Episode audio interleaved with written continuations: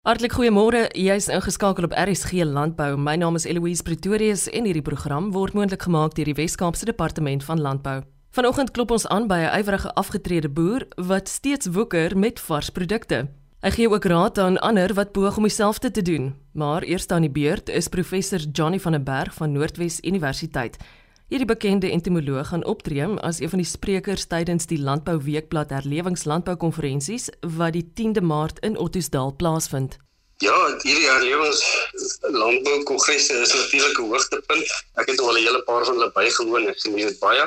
En hierdie een komende uh, Maart maand op Ottosdal gaan ek weer bywoon. Ek sien baie uit daarna en ek gaan daar 'n praatjie gee oor herlewingslandbou en die uitdagings wat klimaatsverandering vir ons gaan bied en hoekom dit belangrik is om nou al te begin voorberei daarvoor. By hierdie herlewings landboudag gaan ek praat oor die effek van klimaatsverandering in die toekoms op insekplaag.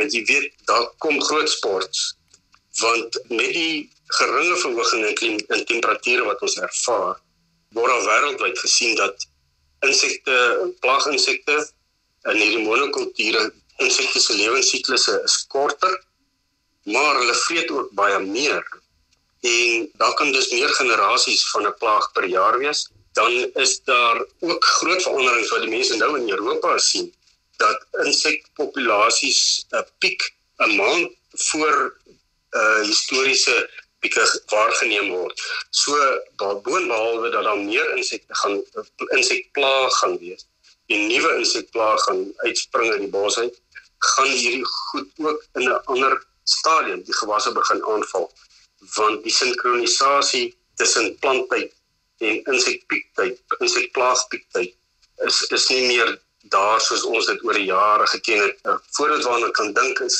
ons het almal groot geword met met die mieliestammerspring in Suid-Afrika wat ons gesê daar's 'n eerste en tweede generasie einde einde Januarie begin die tweede generasie.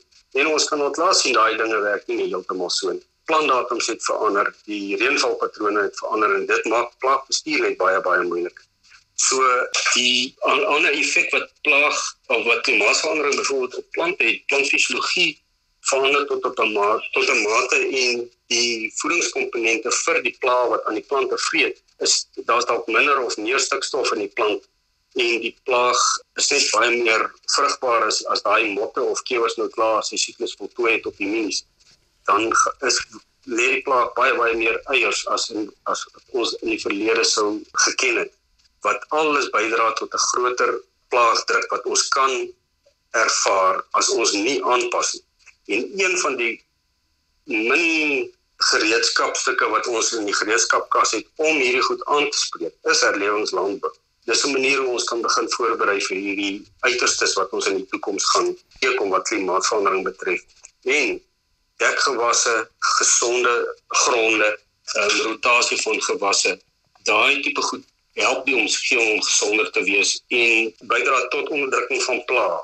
En en dit is op hierdie stadium een van die min maniere hoe ons kan sien hoe ons plaas suksesvol in die toekoms gaan kan beheer, ook gesien in die agtergrond van dat hierdie goed kan bestand word teen die insekdoders en distans besig om oral skop uit te steek. Des te meer 'n rede waarom boere werklik waar moet plan maak om by hierdie herlewingskonferensies uit te kom. Die biodiversiteit stelsels in ons landbouomgewing is van kritiese belang. En ek weet boere besef dit, maar ek dink ons gee nog nie aandag daaraan om dit te benut en uit te byt tot ons voordeel nie. So ek ek sou graag as ek 'n uh, huistoevat boodskap kan gee, sou ek graag wil sê dink aan watter goed rondom 'n uh, gewasland daar huidig is wat jy kan gebruik om jouself te bevoordeel en bewaar dit en dit is deel van herlewingslandbou. Dit dan professor Johnny van der Berg van Noordwes Universiteit. Een van die sprekers wat jy gaan raakloop tydens die Landbou Weekblad Herlewingslandbou konferensie wat op die 10de Maart in Ottosdal plaasvind. Pieter de Klerk van Bloemfontein beskryf homself as 'n groente-entrepreneur. Hy is nou afgetree, hoewel sy landboupad nog lank nie klaar is nie. Kyk, ek het ek het ek boer maar my hele lewe lank So ek het ek het op 'n stadium wat ek het ek skaap en bees en goed geboer, maar nog altyd groente gehad en ek was die bemarkings en promosiebestuurder van die SA Herfords. So ek het die hele land vol rondgery met hulle goed skoue gedoen en keurings gedoen en veilinge en goed so. En dan maar intussen het ek maar aangegaan met die so maar ek is nog by die boeremark al van 1994 af. Dis nou die Bloemfontein Boeremark. Die Bloemfontein Boeremark, ja, ek het al laastelletjies van die 94 af, so dit staan ons kom al eentjie daar so ook al. En jy sê jy's al doenig met die groente van 1978 af. Ja, ek het in 78 begin.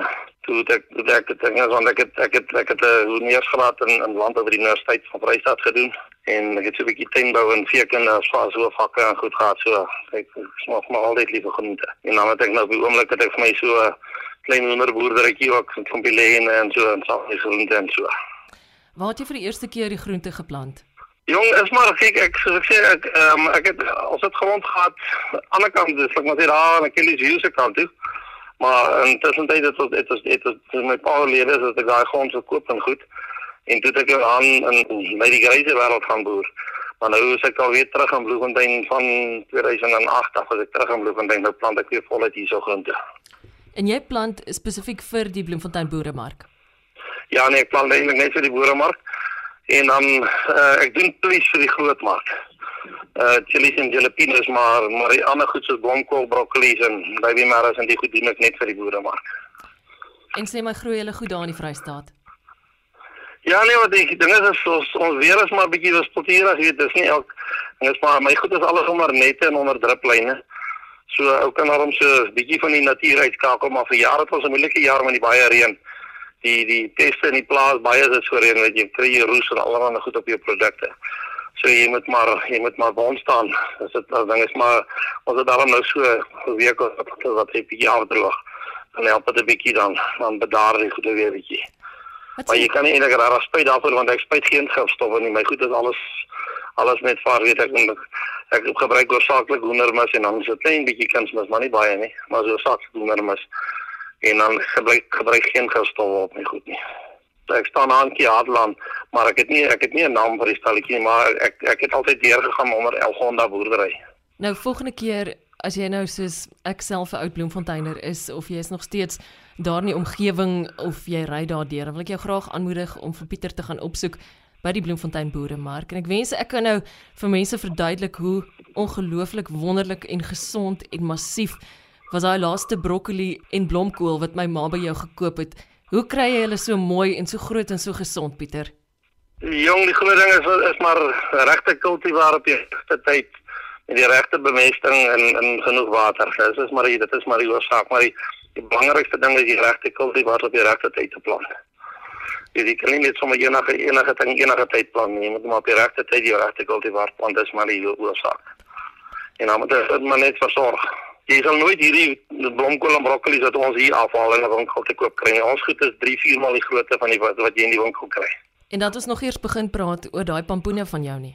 Ja nee, dit is dit maar iets, ons het maar so ietsie van hardloop om al so, maar ons kom al soveel jare met dit ou ken nou al maar op die stadium redelik dit wat gaan vir wat en wat moet jy doen en wat moet jy nie doen nie. So dit is kom maar so met die ondervinding saam ook saam met die tyd saam plan die goed dan verwerk hulle bemark ek hulle weer so. Want bemarking is maar my is my ding is ek is my lewe lank baie lief vir bemarking so ek is ek het al ek is baie van my medeboere in my omgewing uh, wat ook goed kweek. Uh, hulle kry nie die goed bemark nie dan bemark ek dit vir hulle weet so dit is maar meer en meer in my lyn daai. Ek ek kweek baie goed self maar ek, ek is baie lief vir die bemarking deel ook Wat sou jou raad wees aan ander groente-entrepreneurs? Want as ek so na jou luister, dan voel dit vir my enige iemand kan dit doen. Jy het nie 'n groot lappie grond nodig daarvoor nie. En dis ook iets wat jy passievol kan aanpak na jou aftrede. Ja, nee, enige een kan dit doen. Dit is nie ding is die groot ding is net uh groente harde werk. Jy moet bereid wees om om om maar bietjie te bygee. Dit is jy moet nie jy moet nie net weet verwag alles gaan van self gebeur. Jy moet maar bietjie buig en in grondwerk doen. Jy moet ek is elke dag dis nie goed. So as daar 'n probleem is, dan sien ek dit dadelik raak en dan kyk ek daarna. So jy kan nie en dit is maar dit is moontlik vir enige iemand om dit te doen. Dit is nie dit is like maar sê dit is nie so vreeslike iets nie. Die, die belangrikste ding is maar net dat jy net daai bietjie kennis het om te weet wanneer om wat te plant en wat se kunsmis te gee en om te sien wanneer is water nodig. Jy nie te veel water gee nie, te min water gee nie. So dit is maar goed wat met ondervinding kom. Maar maar dit is moontlik vir enige iemand om dit te doen.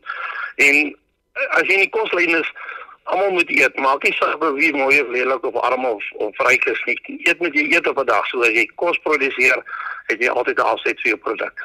Wat baie ouens nie fout maak is, hulle plan nie verkeerde kultivars en dan versorg jy hom vir die 4 maande en dan op die einde maak jy nie oes nie, maar dit is Dat die rede is nie is nie die die dit is dit is oor hulle verkeerde goed of verkeerde tydplan.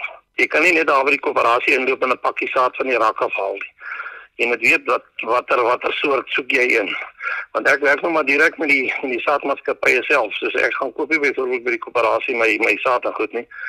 Ek gaan self na die saadmaatskappy toe en sê ek vir hulle het al ek my beplanning wat ek wil doen soos ek ek het nou al weer plant in die somer 'n uh, 'n uh, uh, kultivar blomkool en 'n ander kultivar dinge en dan nou ek het nou weer plantjies bestel uh, blomkool en broccoli wat ek nou gaan insit so oor 6 weke wat heeltemal verskillende soorte is as die wat, wat ek September maand geplant het. En ek kan my indink in daardie kombuis van jou, is dit net vars groente wat jy self verbou het. Almal van ons, hulle weet almal my familie almal as hulle wil groente hê dan bel hulle vir my dan sê hulle soek groente wat so en ergens as ons 'n funksie op 'n ding het ek is maar altyd ou wat die groente supply want almal almal almal tel dit maar by my groente Pieter veronderstel ek wil ook soos jy 'n groente entrepreneur wees en ek kan regtig doen met raad. Hoe maak ek met jou kontak?